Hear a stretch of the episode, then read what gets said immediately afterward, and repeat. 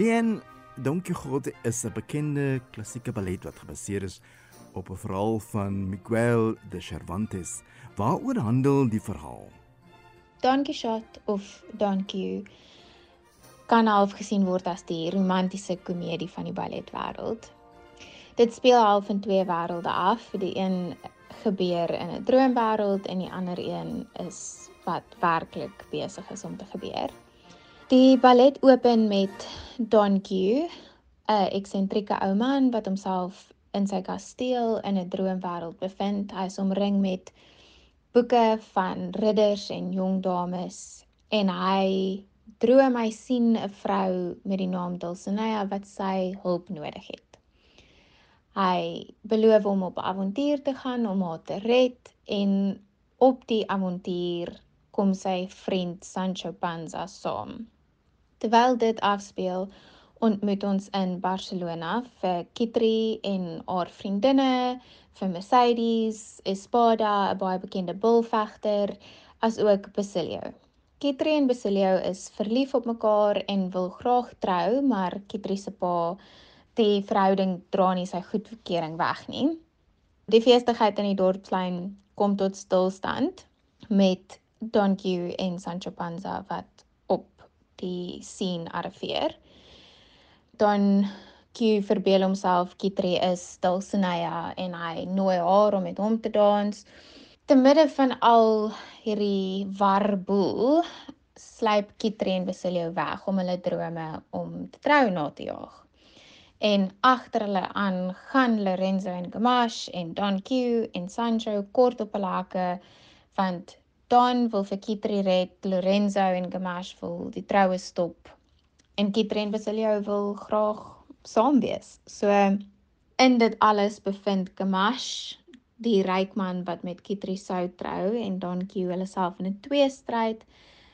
Gamache verloor en uiteindelik is Kitri en Basilio vry om met mekaar te trou en die ballet word dan afgesluit met die die troue van Kitri en Basilio.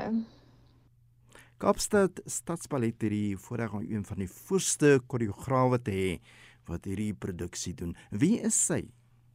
Die produksie van Don Quixote word deur Myna Gilgood op Cape Town City Ballet geproduseer dis 'n groot voorreg om met Myna te werk. Sy het 'n verskriklike suksesvolle loopbaan as danser gehad.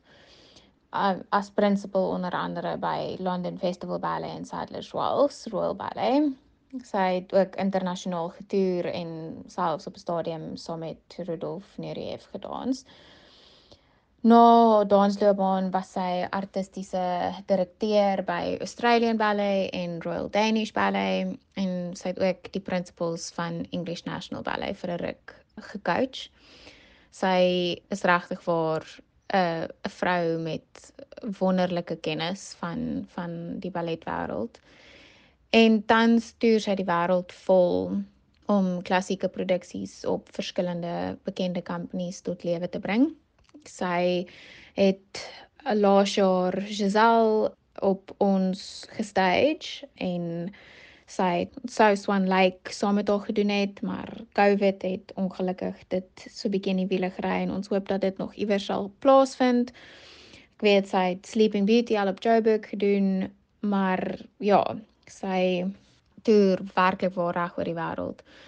Sy was vroeër die jaar by ons gewees om die um, staging proses te begin en in maart maand was Lynn Velagat saam met haar tans is maak bys saam met haar om te help en dis werklik waar dis voorreg om die kennis van sulke groot name in die balletwêreld mee te kan deel en onder hulle coaching te kan wees en van hulle af te kan leer. En ja, dit alles help om die storie van Q op Cape Town City Ballet tot lewe te bring en werklik vir 'n baie suksesvolle produksie te maak. Lian, julle maak ook gebruik van 'n hele paar internasionale dansers wat saam met Kaapstad Stadsballet gaan optree. Wie is hulle? Buiten die dansers van Cape Town City Ballet wat in die hoofrolle gesien kan word, is daar ook 'n paar internasionale sterre wat uitkom om die hoofrolle in die produksie te vertolk. Vadim Montegerov en Fumi Kaneko van Royal Ballet in Londen kan by party vertonings gesien word.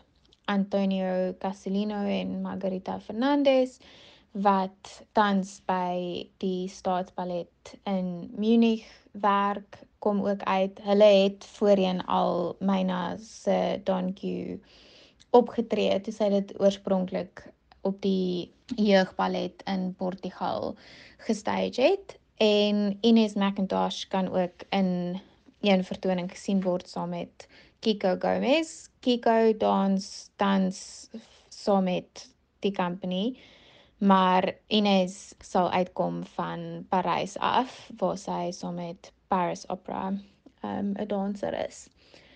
En dis altyd wonderlik om in die studio te wees saam met sulke bekende dansers en te sien hoe hulle die werk aanpak en 'n rol vertolk en die werk insit om op die verhoog te gaan. Jy het ook die voorreg om een van die top dirigente van balletmusiek te hê wat die Kaapstadse Filharmoniese Orkees sal lei. Wie is dit? By party van die vertonings gaan die Kaapstadse Simfonieorkees ook optree onder begeleiding van Jonathan McPhee en hy het al opgetree saam met companies soos die Royal Ballet, Martha Graham Dance Company, National Ballet of Canada, the Australian Ballet, New York City Ballet, Houston Ballet, Royal Danish Ballet. So ja, dit sal uh, wonderlik wees om ook te sien hoe hy die orkes begelei en ja, op die maat van die musiek te dans wat hy vir ons gee. Lian, jy's ook een van die hoofdansers. Watter rol dans jy en hoe sien jy die uitdagings? Ek het die voorreg om die rol van Kitri in Don Q te vertolk. Dit sal my tweede keer wees wat ek die rol optree. Ek het dit voorheen saam met die company in 2018 gedoen toe ons Lian Lurie se weergawe op die verhoog gebring het ek hou altyd daarvan om terug te kom na 'n rol toe want mens het self as danser en as persoon gegroei so jy kan soveel meer bring. Steps is in jou liggaam, so die tegniek alhoewel jy altyd op dit moet fokus is nie half op die voorgrond nie en jy kan meer in die karakter induik en probeer om nuwe goed te vind en nuwe maniere om die storie oor te dra dit is um baie challenging rol. Dit is verskriklik baie stamina en uh, energie wat benodig word. So um dit is altyd 'n uh, 'n uitdaging op die lyf, maar ek is lief vir 'n uitdaging. En omdat ons rolle wissel tussen verskillende aande, het ek ook die voorreg om van die ander rolle te doen wat ek nie in die vorige produksie gedoen het nie onder andere Mercedes en Queen of the Dryads en dis wat ek hou daarvan is dis heeltemal ander tipe uitdaging om van voor af 'n rol te vind, te vind hoe jy dit wil vertolk, hoe die steps op jou liggaam werk, hoe dit verskil van iemand anders wat dit al gedoen het of hoe iemand anders dit doen. So ja, die die uitdaging van verskillende ro rolle op dieselfde tyd is is goed, maar ja, dit is nogal kan nogal hard op die lyf wees. Ek sien dat die orkes soms optree en ander kere is dit uh opnames van die musiek. Wat verkies jy en en hoekom? Ek persoonlik verkies om saam met die orkes te dans. Daar is iets magical. ja, daar's iets wonderlik aan musiek wat live gespeel word. Dit help met die energie op stage. Dit help die gehoor om meer betrokke te voel by wat op stage gebeur. Die atmosfeer in die teater is net heeltemal anders.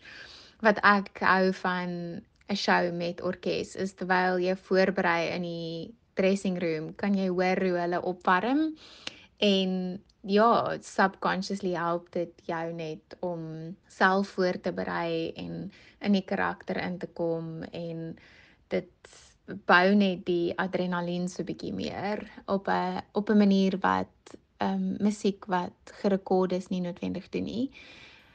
Die musiek bly mooi en was net iets anders daaraan om saam met die orkes te kan dans.